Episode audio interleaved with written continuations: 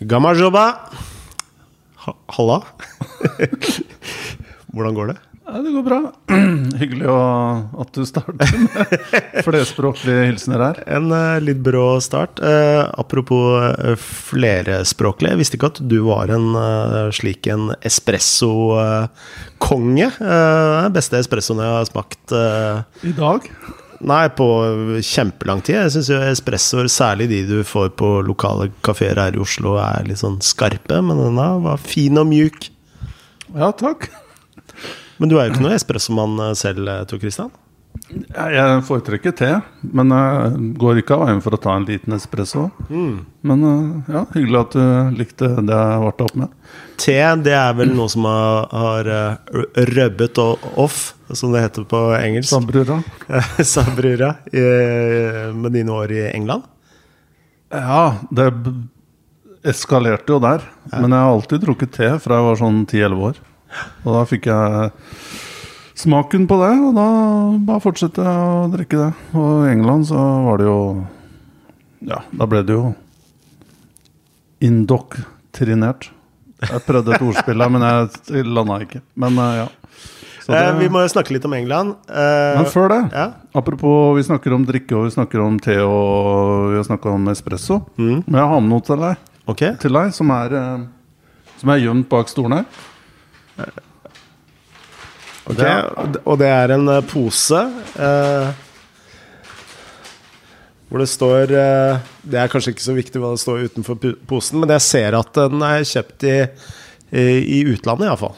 Ja, den er kjøpt i Tbilisi uten eh, Det er kanskje ikke noen stor overraskelse. Nei?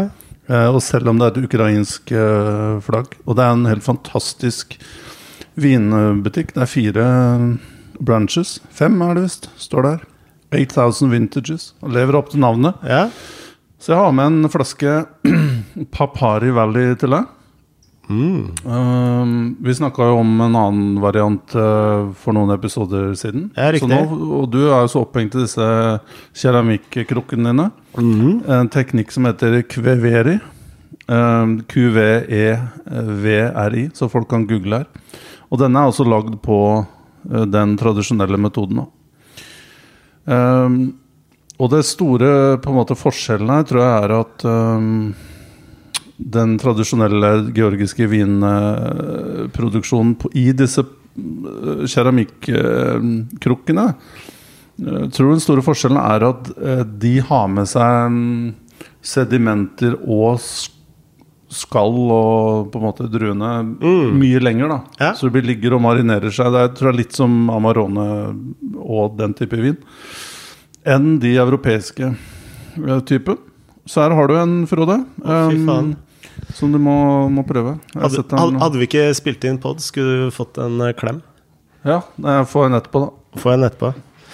Uh, oi, oi, oi. Dette så jo helt fantastisk ut.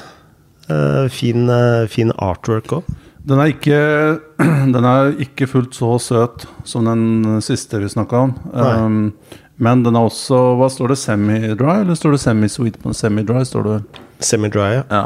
Um, men den er jo 16 altså det er den prosessen vi snakker der om at den blir liggende Ja. med det ene og andre oppi lengre, gjør at den også blir, tror jeg, sterkere alkohol. Men den anbefaler jeg, og den er utrolig god. Kan også legge ut bilde på um, Chivadze sin eh, Twitter-konto, hvis noen har lyst til å prøve å få tak i den. Denne skal legges ut. Eh, når vi snakker om våre lyttere, så må vi jo takke alle våre patrients. Vi har jo fått en del uh, patrions, og det setter vi jo utrolig pris på. Ja, det er um, Det er uh, utrolig hyggelig å se at folk uh, setter pris på på podkasten. prøver å holde det så hyppig og uh, relevant som mulig, men uh, Altså, vi trenger ikke så mange, men vi trenger å føle oss elska. ja, men sånn er det med alle, er det ikke det? Jo. Så vi føler oss veldig elska av patrons, og tusen takk for de som er med og bidrar til økt motivasjon. Og etter hvert så skal vi også komme opp i litt mer regelmessig bonusinnhold som går rett på Absolutt. Rett i Patron-feeden. Rett i åra. Eh, men når vi snakker om eh, England eh, Det har jo eh, eh, skjedd mye i England. Ikke bare har en eh, dronning forlatt verden, men det fikk jo også konsekvenser for terminlista. Ikke noe kamper nå sist helg. Eh, og da skulle man jo tro at eh, det er ikke så mye å snakke om i England, men eh, det var det jo. Fordi Thomas Tuchel, som vi snakka om eh, i Om ikke sist episode, i hvert fall episoden før der igjen, eh, måtte ta sin hatt og, og forlate skuta. Og inn kommer eh, eh, Jeg vil, vil ikke kalle han eh, norgesvennen, men i hvert fall uh, svenskevennen eh, Graham Potter.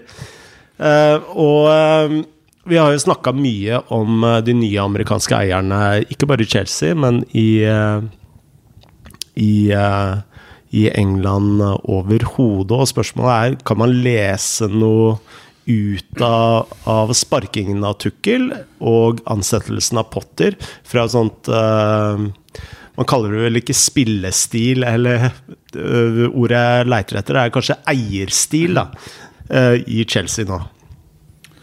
Ja, det tror jeg. Absolutt. Um, eh, nå så må vi jo basere litt på den informasjonen som har kommet ut, uh, ut i media. Mye av det er jo kanskje litt manipulert, og det skal gjennom jungeltelegraf før det treffer oss, da. Men også ting jeg har plukka opp fra andre òg. Så gir det meg i hvert fall et bilde av at Altså Det er jo ikke første gang Tuchel har hatt samarbeidsproblemer med eiere. Nei. Det skjedde jo i Dortmund, hvor det var ganske mye dramatikk før han til slutt gikk der. Mye skriverier. Ja, og han ville jo snu ting på hodet og kunne ikke jobbe med sportssjef eller hva det var, og så. Og litt det samme i Paris Saint-Germain i tillegg. Um, så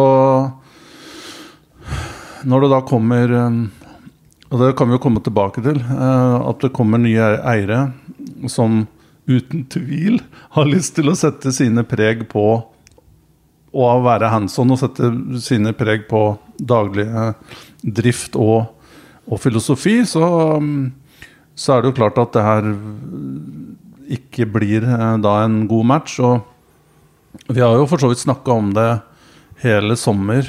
eh, kanskje ikke brukt veldig mye tid på det, men vi har jo nevnt at det har vært en ting å holde litt øye med, med Tuchel og disse nye eierne. Um, men det er jo klart det er overraskende at det kommer så kjapt, da. Ehm, absolutt. Men på en måte så er det jo også mm, Jo før, jo bedre, Mm. For det, det er jo ikke noe vits i å dra dette her med seg inn uh, sesongen uh, når man vet at dette er et forhold som ikke kommer til å vare.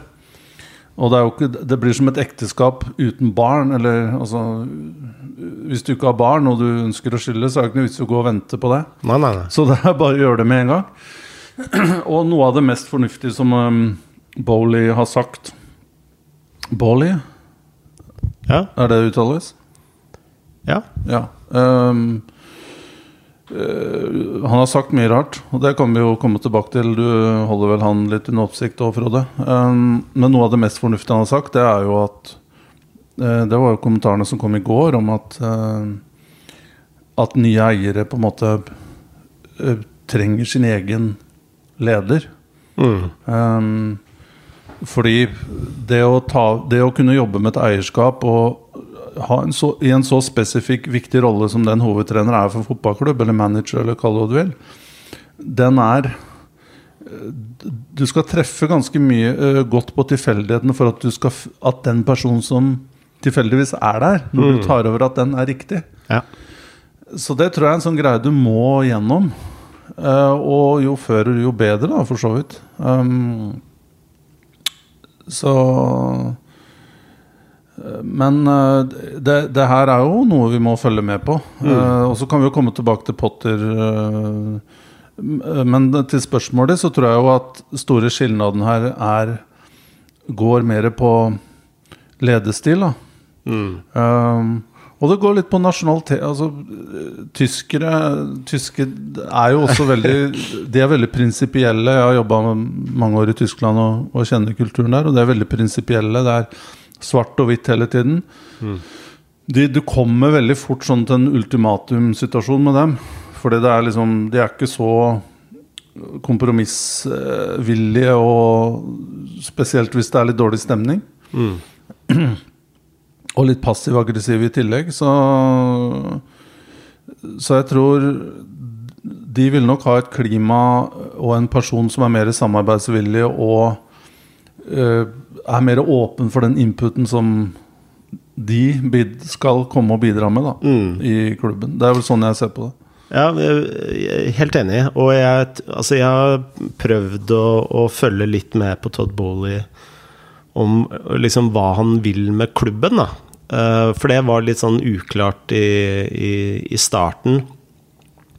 Eh, og hvis du ser på hans eierskap av, av LA Dodgers, så eh, og uttalelsene hans, så har det jo vært veldig at eh, han vil ha en sterk sportslig administrasjon og kompetent sportslig administrasjon som, kan, som han kan stole på, på en måte. Og det er jo litt sånn musikk i ørene uh, våres, da. Og hvis jeg da tenker på, på Tukkel, som har liksom vært litt hands on på alt Altså han vil jo ha en mer sånn manager Har jeg i hvert fall eh, hatt en mer sånn managerrolle etter eierskiftet, hvor mange mener at det er han som har stått bak en del av, eh, av kjøpene. Aubameyang er vel kanskje det mest åpenbare Tukkel-stempelet, da. Uh, og man ser vel ikke for seg at uh, Tukkel ville liksom gi slipp på den rollen der, da. Og, uh, så har jeg også lest en del sånne uttalelser fra Bolly at eh, han er opptatt av å, å få på plass en eh, Han har ikke brukt ordet sportsdirektør, men eh, det er sånn jeg har lest det, at eh, de vil eh, styre det litt sånn som eh, Liverpool-eierne gjør. Da, at eh, rekrutteringen blir liksom eh, styrt av den sportslige administrasjonen. administrasjon. Så allerede der så uh, ante jeg en litt sånn krasj, da.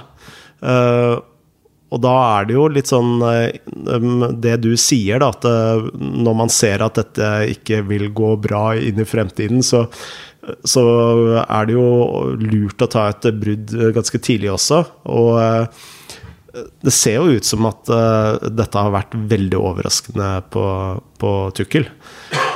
Så det, er, det har vel vært noen sånne åpenbaringer for, for Bowley nå, altså de siste eh, og jeg tror ikke det handler om eh, resultatet. Selvsagt, resultatet spiller jo inn. Men eh, jeg tror det handler mer om eh, personlighet. Altså min antagelse, da. Mm. men en annen ting som jeg har oppdaga med Bowley, og det er jo at de stadig snakker om sånn multiklubbeierskap. Og at eh, det er liksom veien å gå. Og, og, eh, altså, så det er kanskje noen, noe man ser nå i kjølvannet av dette eierskiftet, at det vil, eh, vil eh, dukke opp små Chelsea-varianter rundt omkring i verden. Ja. Um, jeg, jeg bare går bitte litt tilbake med Tuchel her. Um, så jeg jeg har, jo bit, eller jeg har jo sympati med han, for han virker jo som å være en veldig Veldig stødig og, og smart uh, type. Og har en personlighet som er litt, er litt spesiell, og har noen quirks som gjør han litt spennende, da. I mangel på et bedre ord. Men uh, jeg føler jo spesielt den tiden der hvor etter eh, Altså i slutten av februar da, eh, og mars, um, invasjonen av Ukraina og Abramovic ble sanksjonert og ble pressa til å selge Chelsea, så er det jo han som måtte stå opp for klubben eh, og på en måte bære tunge bør. Mens de andre, og ingen verken CEO eller styreformann, eh, styremedlemmer som på en måte Han måtte svare på, eh, på pressekonferanser som dreide seg om fotball. Det er jo det han skal egentlig svare på. Men ble da stilt liksom spørsmål om Abramovic og alt mulig sånne ting. Og han syns jeg gjorde det på en veldig god måte. Og ingen visste jo på det tidspunktet hva kommer det til å bli av Chelsea. Kommer klubben til å bli lagt ned, liksom? Eh, men han sto gjennom den stormen der. Um, og det gjør nok at han føler seg litt Kanskje dårlig behandla. Men sånn er fotball. Det er Du kan aldri forvente noen ting. Um, og det er litt sånn Når du leser eh, det kan vi også ta en annen podkast, men det er jo sånn som jeg leser aviskommentarer og for så vidt sosiale medier og, og hører liksom, så synd på trenere som blir sparka. Jo, ja, den sympatien der er også fin, eh, men jeg, jeg tror for de som er profesjonelle og går inn i fotball på et ganske høyt nivå, og er de er også på en måte Alle må være forberedt på at en dag så får man sparken. Og Det er ingen som kommer og sier til deg at det er synd på deg. Jeg har hatt trenere som Jeg skal ikke nevne navn, men det er trenere som jeg har vært med på på å uh, avskjedige. Så kan man diskutere om det er riktig eller galt, men spesielt én som fortsatt driver og prater om det. Hver eneste gang vedkommende får en, får en eh, ny jobb, så er det liksom tilbake til den saken der.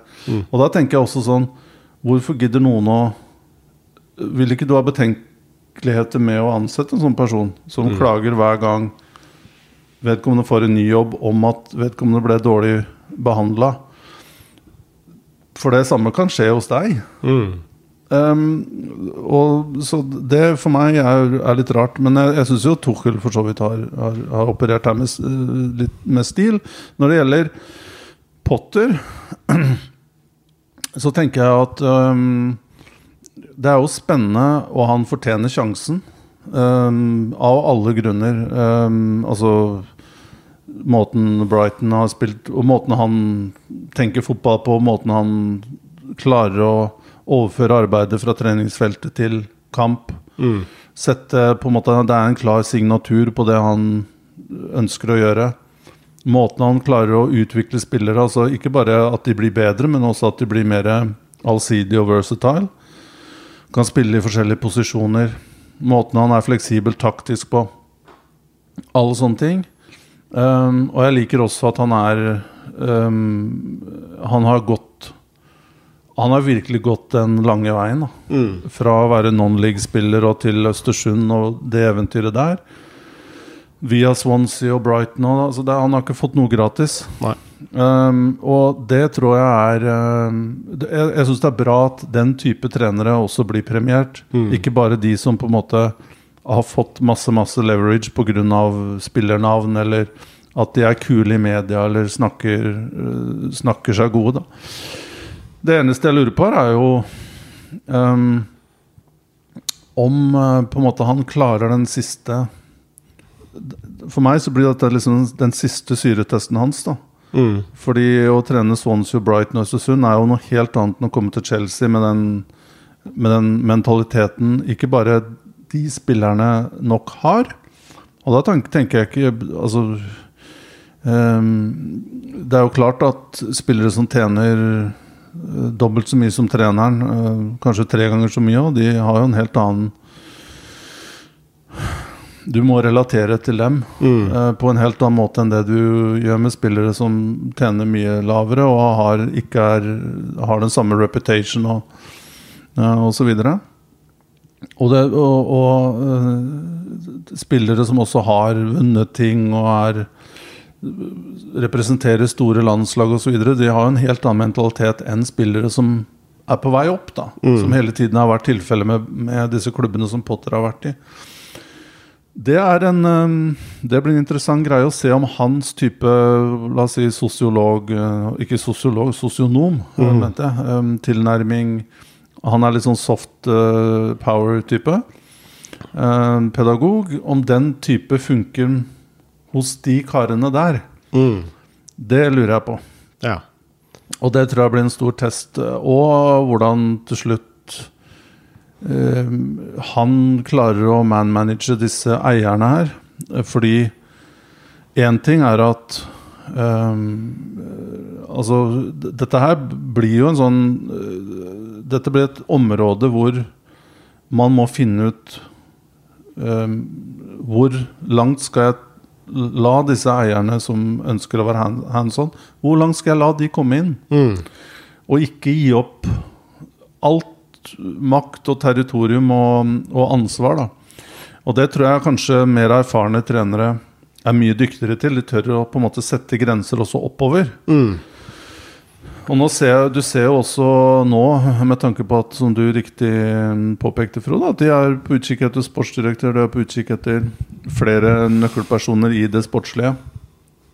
Og da er det jo data igjen, da, som det snakkes om at det skal være data-driven. Mm. Uh, og det har vi jo også vært inne på med andre klubber, at det, liksom, det er den hellige grad for amerikanere. Og så um, så da håper jeg jo at for Potters del at det blir en på en måte klar um, tanke om hvordan dette her skal driftes. da Altså hvordan ansvarsområdene er mellom disse um, number cruncherne og, um, og, og trener. Og at, men det går litt sånn De har gått litt feil vei. Hoppa inn i det litt feil. da Altså Nå, den, nå har de på plass en hovedtrener. Jeg forstår også at Brighton har brukt data og sånne ting eh, en del. Til hvilken grad er jeg usikker på, men nå skal de altså da hente organisasjonen som Altså en sportsdirektør som i utgangspunktet burde ha plukka trener. da Mm. Så det er jo Jeg, jeg eh, var vel i Financial Times. Uh, jeg leste at uh, Chelsea owners looks to buy more clubs to develop flow of football stars. Og det høres jo veldig, veldig ambisiøst ut. Og, um, og jeg bare det, det, tenker at det er, også er litt sånn virkelighetsfjernt. Fordi Si City, da. Manchester City. Uh, nå, nå må jeg ikke få masse uh, Masse fotballfans på, på nakken fordi jeg bare sa City her. Men uh, det har jo ikke gått veldig mange spillere sånn gjennom systemet. Selv i, i, i RB-systemet så er det jo ikke, er ikke fri flyt av spillere, på en måte. Så uh, hvis det er det du er ute etter, så har du kanskje misforstått hele hele systemet og hele poenget med å eie flere klubber? Jeg veit ikke. Um, altså Jeg er enig med deg når det gjelder Manchester, eller City Football Group. Um, at du, du kan jo ikke spore så veldig mange spillere som kommer fra disse satellittklubbene og har endt opp i, i Manchester. Ehm, men de har jo klart å skaffe De har jo klart å skape på en måte et system som gjør at ehm, At de forvalter spillere og klarer å selge dem ut av systemet. Og skaper inntekter fra det, på en måte. Uten at de ender opp i City. Der er jo, nå sa jeg også City, men det får folk tåle. Um, men der er lista veldig høy, da. Og det vil den jo også bli i Chelsea. Um, jeg, jeg tror nok at det handler Jeg er enig med deg i prinsippet at det er en romantisk tanke å tro at nå kjøper vi en klubb i en i Italia, vi kjøper en i Portugal, vi kjøper en i Kroatia. Og så skal vi ha full kontroll på talenter fra Iberia i Portugal. Og vi skal ha full kontroll på talenter Er Frankrike bedre i det da enn Italia? Kjøper en klubb der, og så har vi kontroll på talenter der. Og Kroatia så har vi kontroll på Balkan. Sånn fungerer det jo ikke, og det er jo mange andre som prøver på det samme. Mm. Uh, og hvis du på en måte skal virkelig eh, få noe ut av den modellen her, da, så må du jo kjøpe sporting. Mm. For eksempel i Lisboa. Ja, ja. Og du må kjøpe renn. Du må kjøpe Sankt Etienne. Da kan du jo på en måte begynne å planlegge at her kommer det til å komme opp veldig mange spillere. Men RB så mener jeg jo at du Der er det jo flyt. Altså Det er vel snart 25 spillere som har gått fra Salzburg til, til Leipzig. Mm. Eh, og det er jo spillere som de igjen selger videre ut av, ut av systemet.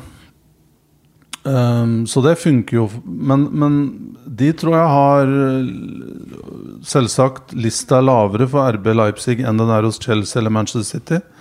Um, de trenger ikke å vinne noe hvert år. Det er ikke på en måte noe særlig stort press. De kan drive en slags forretning uten at folk I hvert fall Jo, i Tyskland er det kontroversielt, da, men på en måte de som holder med Leipzig eller RB eller FC Salzburg, de har på en måte kjøpt seg inn prinsipp Altså, kabalen var lagt. Ja, ja. De, så du kan ikke komme etterpå og si klubben driver uh, spillelogistikk, som man sier i Norge. Um, og driver med dette på en businessmåte. Du kan ikke komme etterpå og si det. Um, så det, det funker jo, men key, uh, nøkkelen her er jo og det tror jeg er det smarte som, uh, som RB gjør.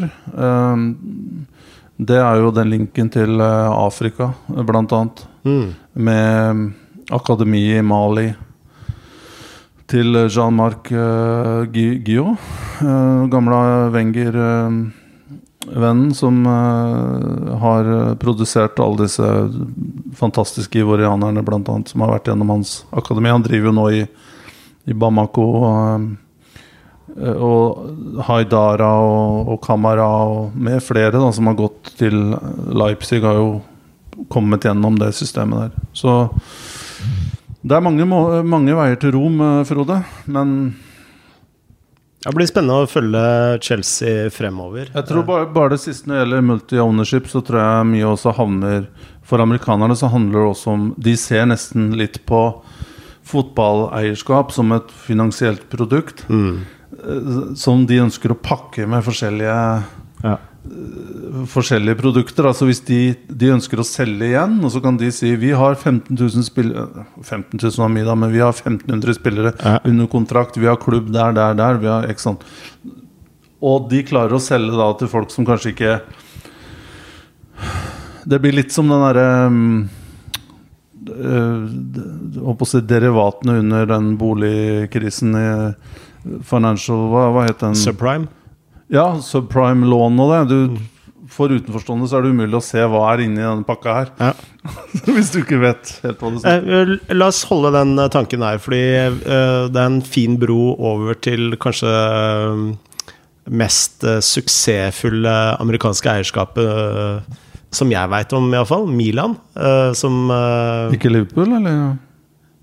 Uh, Jo, det, altså, det kan du jo også si. Ja, det, ja absolutt. Eh, Veldig vellykka. Men jeg tenkte på den exiten dette amerikanske hedgefund-selskapet hadde nå i sommer.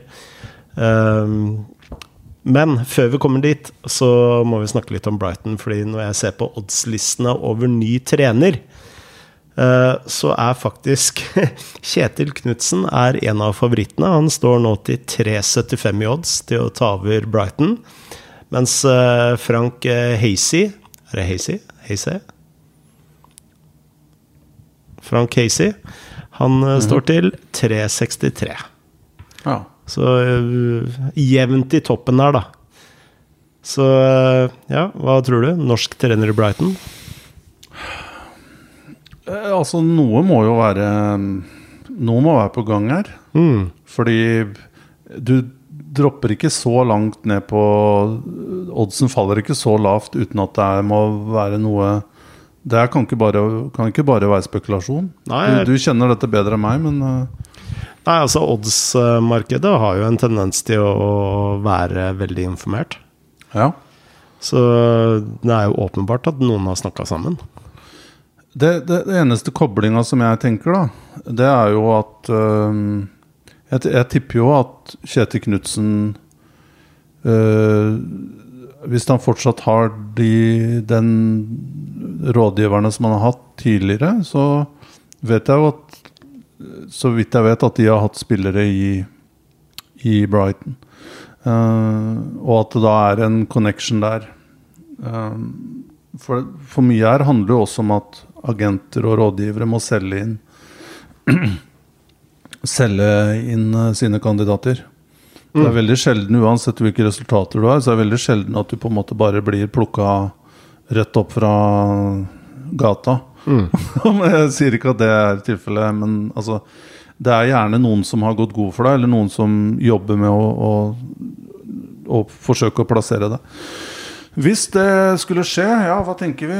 Um, jeg tenker jo um, Det er jo en sjanse man, man, man må ta. Um, jeg tror uh, hvis det er en klubb som man kanskje bør eh, føle seg mer trygg i enn andre i England, så er det kanskje Brighton. eh, virker jo ekstremt stødig lederskap. Mm. Tony Bloom eh, har vel eid den klubben i 12-14 år. Eh, tar ikke så veldig mange headlines, men er fortsatt eh, ganske bra involvert. Også en som kommer fra, fra tall, analyse osv. Um, eh, og det er jo en annen eh, er en, og, jeg, og jeg kan tro, sånn som jeg kjenner Tony Bloom Ikke at jeg kjenner han veldig godt, men jeg har truffet han et par ganger. Så virker jo han som en type som er Han går sine egne veier. Han prioriterer litt andre ting enn det um, enn det andre gjør. Han lar seg ikke presse inn i beslutninger, ta den populære, enkleste utveien. Mm. Og han tror jeg også er en type som um, setter pris på å ha ganske analytiske og rolige folk til å jobbe med. Mm. Og han ønsker ikke noe drama eller Som han hadde litt i begynnelsen av sitt eierskap, så kom det og gikk litt trenere og uh, sånn. Men um, og spesielt da etter at du har jobba med Potter, så tror jeg det er Så tror jeg ikke det er helt usammenlignbart å kanskje få en Kjetil Knutsen. Ehm, sånn rent konseptuelt. Mm. Hvordan de tenker, og begge er på en måte lugne, og begge er tenkende, litt pedagogisk i, Kan man i si utviklingsorientert om ja. Bloom, eller? Om Bloom? Ja. Hva tenker du da? Nei, altså Hele Bodø-Glimt-prosjektet har jo liksom hatt en gjennomgangstone om at eh, vi er utviklingsorienterte. ikke sant? Altså Vi satser alle pengene våre på uh, altså, ulike ting som gjør laget bedre. ikke sant? De har uh, de dyreste skanningmaskinene som man uh, kanskje ikke har sett i norske klubber tidligere. Eh, man eh, satser på apparatet. Man eh, jobber hver dag på treningsfeltet med ja, Det gjør jo alle lag, for så vidt. Men, uh, ja, men det er noe i retorikken her, da. Som, Ja, ja. eh, Nei, jeg, jeg, jeg, tror jo eh, jeg, jeg, tror Bloom er Altså, han, han ønsker at de er langt framme på teknologi og metodikk. Det er jo ingen tvil om. Og at han eh, nå, nå har de jo klart å etablere klubben. Jeg vet ikke hvor mange sesonger det er nå. Fire-fem i Premier League. Og det, er jo, og det er jo et annet argument også for hvordan dette her bør være interessant også for Knutsen, hvis han får tilbudet. Det er jo at Og spesielt den sesongen her, så er det jo Bør jo ikke Brighton komme seg noe eh, i det hele tatt i nærheten av nedrykk. Nei. Og så lenge du holder klubben i Premier League, så er jo så, så blir det aldri noe sånn stor dramatikk der som gjør at du må ha et Ha et par knepp ekstra som du kanskje lærer litt etter hvert. Mm. Så det å bli kasta inn i Premier League med Brighton tror jeg er litt tryggere enn å f.eks. ha gått til Aston Villa, da. Mm. Eller uh, Fulham, f.eks. Det tror jeg har vært mye mer utfordrende. Men hva tenker du? Uh, Nei, jeg bare ser på denne uh, lista over eh, potensielle managere, og Roberto Di Serbi, for eksempel. eh, jeg vil jo ikke sette han i samme kategori som Kjetil Knutsen, som en sånn rolig eh, Rolig type. Steve Cooper også, på tredjeplass på eh, på, på denne odds-lista. Jeg, jeg tenker jo eh, kultur da vil være den største utfordringen. Og det har jo vist seg å være den største utfordringen for de fleste norske trenere som går ut. Og jeg putter ikke Ole Gunnar Solskjær i den kategorien, i og med at han har liksom nærmest bodd flere år i Manchester enn det han faktisk har, eh, har eh, bodd i Norge. Men eh, det å møte en mer kynisk fotballkultur, hvor du må forholde deg til kravstore eiere, altså bare det er jo en stor forskjell fra norsk og engelsk eh, fotball. Så det er Her var noe av poenget mitt at der Ja, hvis det er Fulham eller Aston Villa, så ville jeg ha tenkt sånn. Men jeg tror Bloom er et mye varmere fang å sitte på, da. Mm. Um, Absolutt. og jeg tror han er litt annerledes enn Representerer ikke på en måte spisseste og det mest kyniske av Så jeg tror det er en trygg eh, Trygg havn å starte på. Det er Ja. poenget mitt. Ja, men jeg tror likevel at altså, det spranget er så altså, Nå har man jo ikke sett Brighton virkelig, virkelig, virkelig ha kniven på strupen på, på et par sesonger. Så, og det vil jo forandre alt. Uh, så ja. Og så er det jo altså Sånn rent fotballfaglig, da, så er det jo ehm, nå, nå skal ikke jeg sitte her og forutsette at Kjetil Knutsen ikke har et game til. Mm. Eh, for det kan han jo ha. Han er jo en veldig smart type. Eh, Men på en måte eh, kan du bygge Altså en stor del av suksessoppskriften til Bodø-Glimt er jo måten de spiller på. Mm. Og de klare prinsippene og hvordan han klarer å bygge relasjoner mellom spillerne og i det systemet som Og så er det jo også en del fleksibilitet innenfor for det systemet. Mm. Men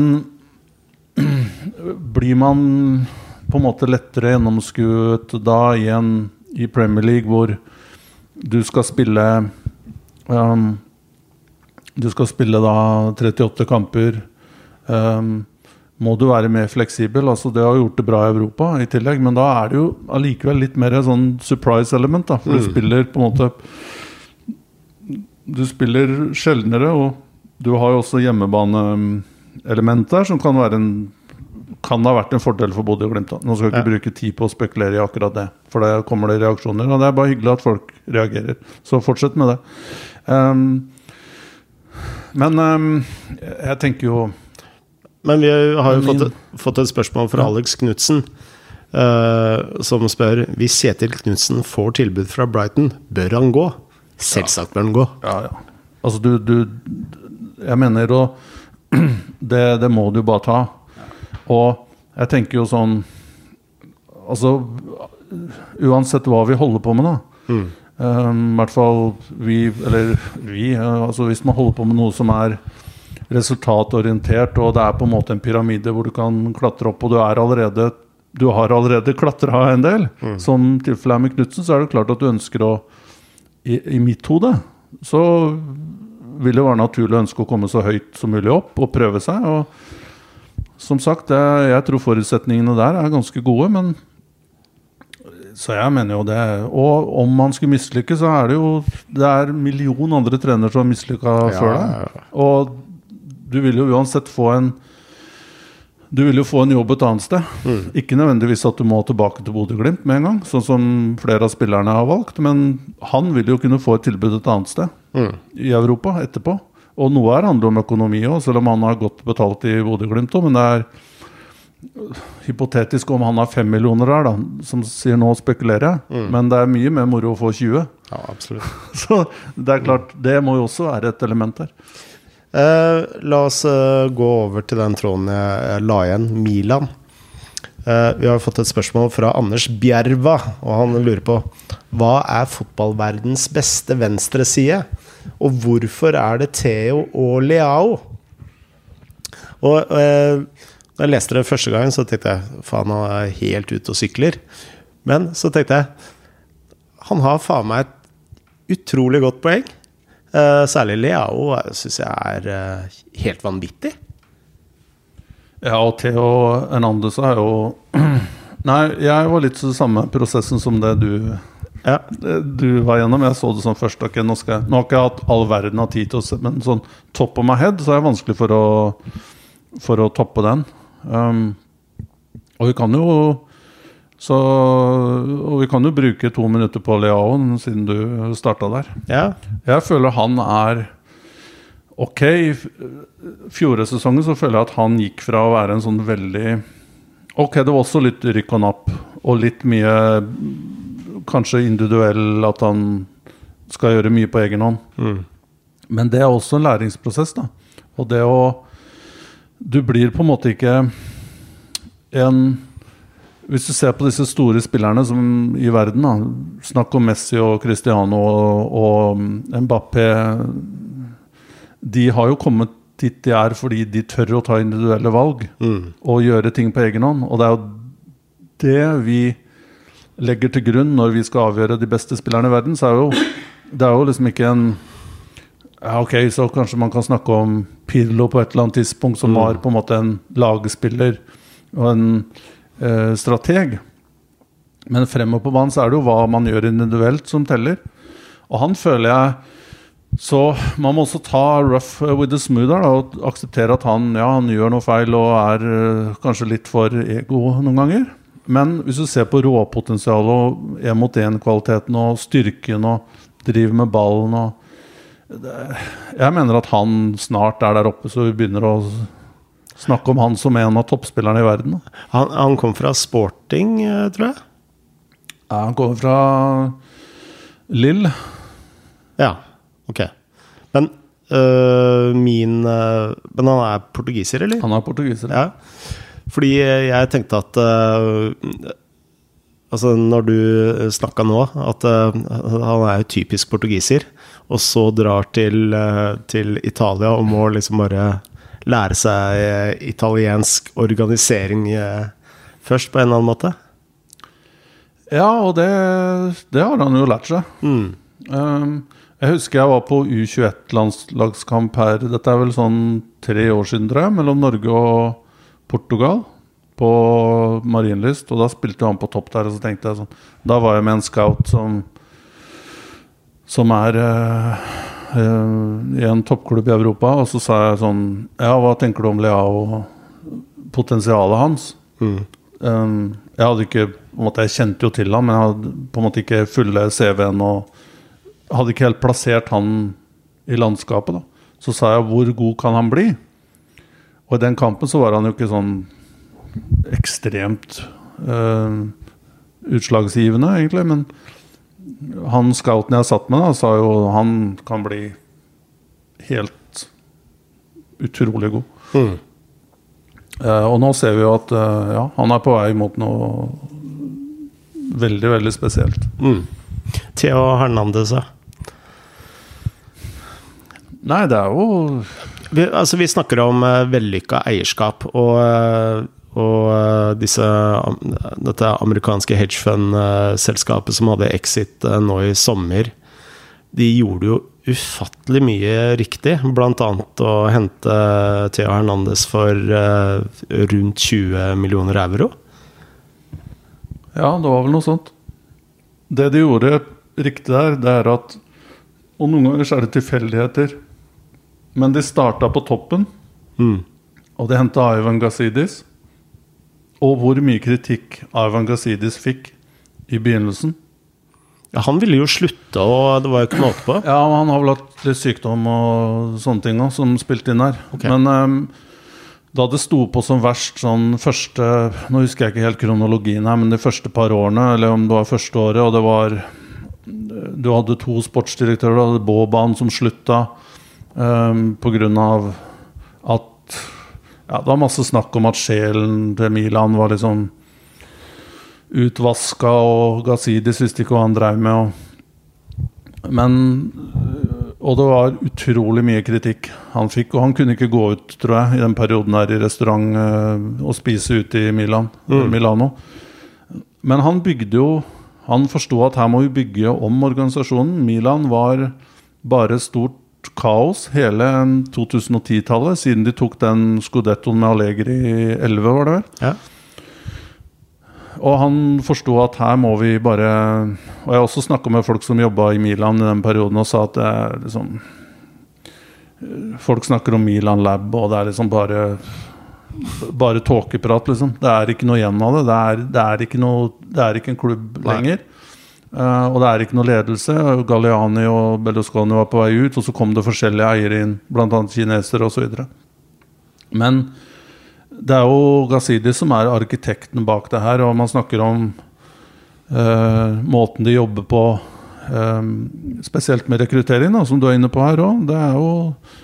Han har jo forstått og fått inn folk som virkelig vet hva de holder på med, og de er samkjørte og har en helt annen ro og seriøsitet i organisasjonen. Um, så jeg, jeg, jeg, tror det starter der. Altså. Sånn og, og, samtidig også med Pioli, at de holdt på han Ja. når det ikke gikk så veldig bra, og stått ved han. Ragnhild skulle, skulle inn der på et tidspunkt. Hadde vel mer eller mindre signert kontrakt, men så Stemmer så de at ting begynner å bære frukter med Pioli, og så droppa de Ragnhild, og med det å liksom kjøre en helt ny Bygge om igjen. Mm. Eh, og så ser man i dag at dette her har lykkes. så. Sånn uten, utenfra tittenes inn, så uh, ser strategien nesten litt sånn ut at uh, vi tar de største talentene i de største klubbene i verden som ikke får spilletid, og så lar vi dem få spilletid hos oss, og så lar vi dem vokse og gro. Som f.eks. Hernandez. Ja, men det er mange som prøver på det. Men jeg tror for at det skal funke, så må du også ha Du må ha en god trener, selvsagt. Du må ha en seriøs organisasjon, sånn at folk, de spillerne som kommer inn, skjønner at jeg kan bli en bedre spiller her.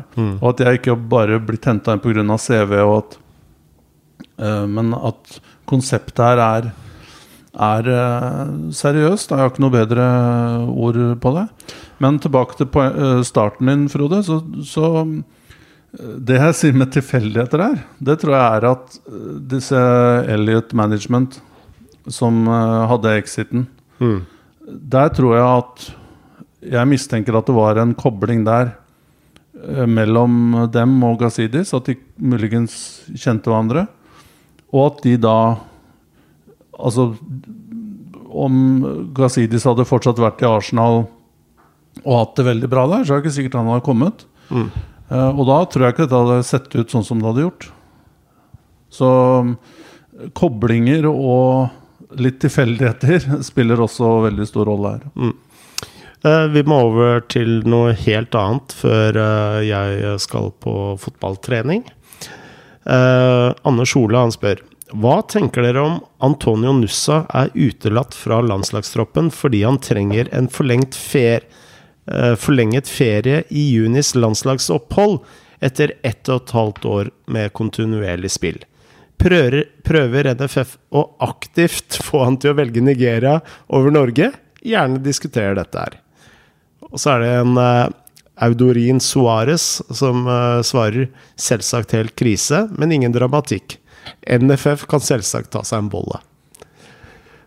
Da kan jeg jo eh, starte med at eh, på, på Ullevål så spiser de wienerbrød. Så en liten Ja, altså det, det Hva skal jeg si? Eh, når man ser de største talentene der ute, så er det jo bare å sørge for at de får spilletid eh, så fort som bare overhodet mulig. Fordi vi har jo ikke så veldig mange å ta av, og eh, særlig eh, Særlig minoritetsspillerne vi, som kan velge andre landslag, bør vi jo liksom huke tak i så fort som, fort som eh, bare mulig. Eh, og hvis dette er eh, eh, det som avgjør at han velger et annet landslag, Nigeria i dette tilfellet, så er jo det et stort, stort tap for eh, norsk fotball. Altså, nå har Norge ikke bare toppskåreren i Premier League, men vi har også den yngste spilleren som noensinne har eh, spilt i Champions League. Og det må vi jo bare legge til rette for. Men det er Uh, Skåret eh, i Champions League, tror jeg. Skåra. Ja. Ja, beklager. Ehm, og så holdt jeg på å si, det er jo noe sånn typisk eh, norsk å, å, å, å gjøre det så firkanta, men så kom jeg på at eh, han spiller jo faktisk på et eh, U-landslag med en portugisisk eh, trener, så jeg får spise meg de orda der. Men eh, ja, her syns jeg man er litt i overkant uh, firkanta. Ja, jeg, jeg er ikke så bekymra over at han skal velge Nigeria. Eh, Det er en gutt som er vokst opp i Norge og um, på Langhus um, der ute i Follo. Og um, jeg tror vel det er ganske Jo, å spille landslagsfotball er, er jo en ære. Og jeg vet ikke hva slags connection han har til Nigeria, men jeg tipper han har en mye, mye, mye mer solid connection til Norge. og um, Nå skal ikke jeg snakke for han, men at han på en måte skal velge å spille kvalikkamper for Nigeria og reise fram og tilbake der med alt Det tar i hvert fall energi. Mm. Um, og Ja, men det er det jo han som avgjør, selvsagt. Men jeg tenker jo her at um, Jeg vet ikke hva som har blitt sagt eller gjort mellom partene her. Uh, så jeg syns jo noen av de kommentarene som også er skrevet om dette her uh, i media i Norge nå i dag, er kanskje skrevet på litt tynt grunnlag. For det, vi var ikke der. Uh, vi vet ikke hva som har blitt sagt, kommunisert fra NFF eller fra, fra spilleren sin side. Nei. Så jeg ønsker ikke å gå Det kan jo hende at hele premisset for spørsmålet er feil. Ja, det er mulig, men eh, jeg, jeg føler Jeg er jo helt enig i eh, Altså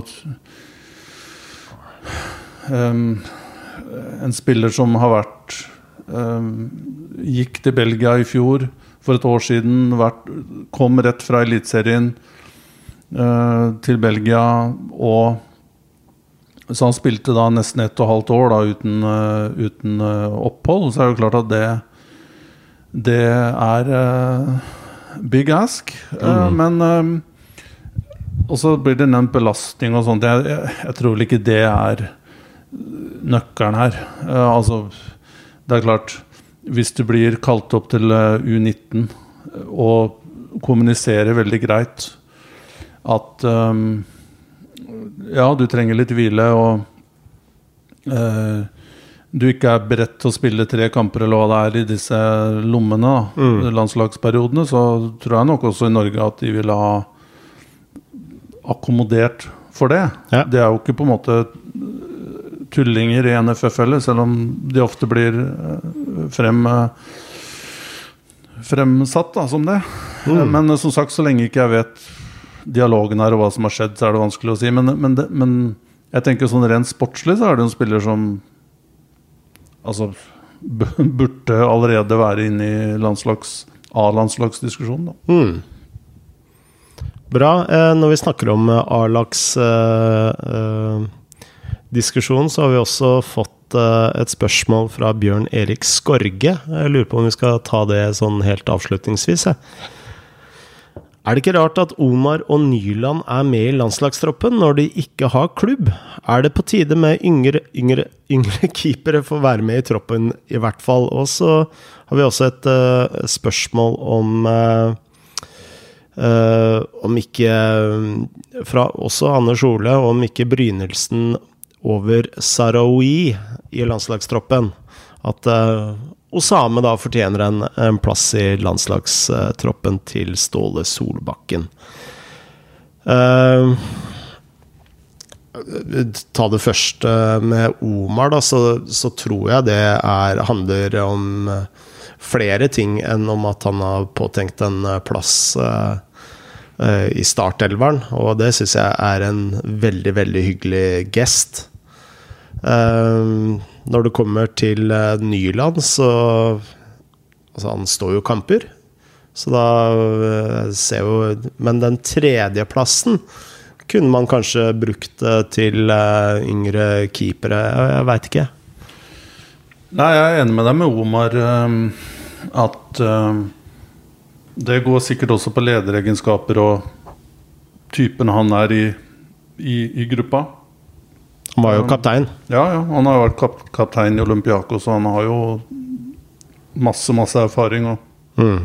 Så det handler nok om Og at han er uten klubb nå i en periode, det er jo på en måte Det er jo bare to uker siden han ble sluppet, da. Så, ja. liksom, så får vi jo se hva han lander på. Men um, det, det syns jeg ikke Ståle Solbakken må, må forsvare. Og, og med Nyland um, ja, han har jo stått jevnt. Han sto jo i var det Reading i fjor og mm. gjorde det vel greit der, men det er jo enig i at Men det, men det eh, Det her er jo Ståle Solbakken som har sine oppvei, oppveiinger, og jeg, jeg, føler meg ikke kompetent nok til å vurdere om man burde hatt en yngre keeper der, ja. mm. For å være helt ærlig. Men Brynildsen, eh, Sarawi, er jo Med sistnevnte så handler det vel om U21 at man har et mesterskap neste sommer, og at den ikke skal tukles for mye med de spillerne som har spilt Norge til til eh, finalene, som eh, går bl.a. til Georgia. og Romania er det vel, sluttspillet neste år. Um, og, og kanskje behovet, da. Jeg, jeg forstår hvorfor han tar ut Brynildsen. Fordi han tilfører noe, noe annet enn det vi har der. Den derre direktheten og energien og farten og Så jeg syns ikke det er Og så fryktelig graverende. egentlig. og i hvert fall eh, veldig moro å se Osame for Vålerenga mot Lillestrøm. Eh, Da satt jeg ringside. Og det er sjelden jeg ser bekker Bekker i, eh, backer og midtstoppere i Eliteserien blir eh, så svimle at de detter på rumpa. Men det er, det er kanskje en uh, diskusjon uh, å ta. Um, kanskje ikke nå i denne episoden her, men sånn generelt at La oss si at Osama hadde gått til Fått en overgang, da. La oss si til uh, ja, en stor klubb i Frankrike, f.eks. som som kanskje nå begynner å bli interessant for han. Um, eller uh, Tyskland eller noe sånt. Så er jo spørsmålet om han ville ha vært inne. Og at det er bitte litt sånn uh, At lista blir litt, lagt litt høyere uh, hvis du er hjemlig spiller i Eliteserien. Men det er kanskje sånn det må være òg, da. At du, det følger litt klubbnivåene du spiller på.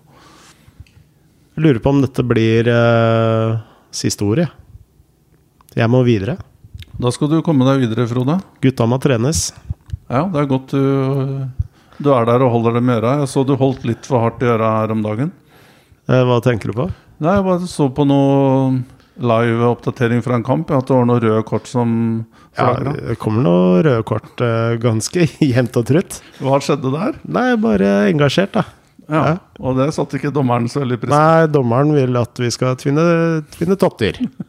Var det berettiga, eller? Nei. Nei, ok. Veldig ofte er det berettiga, men akkurat nå så var det ikke berettiget. Ah, ok. Ja. Så jeg blir litt eh, bedre. Eh, Men eh, altså, det er rart med det. ikke sant? Når du ser Conte, så tror du at du skal være sjøl ja. Uten at jeg tror at jeg er noe Conte. Kan bli det. Kan ikke bli det. Garantert. Eh, Vi snakkes igjen neste uke. Det gjør vi. Da sier vi som vi alltid sier her i Shivatse, Gamajoba og på gjenhør.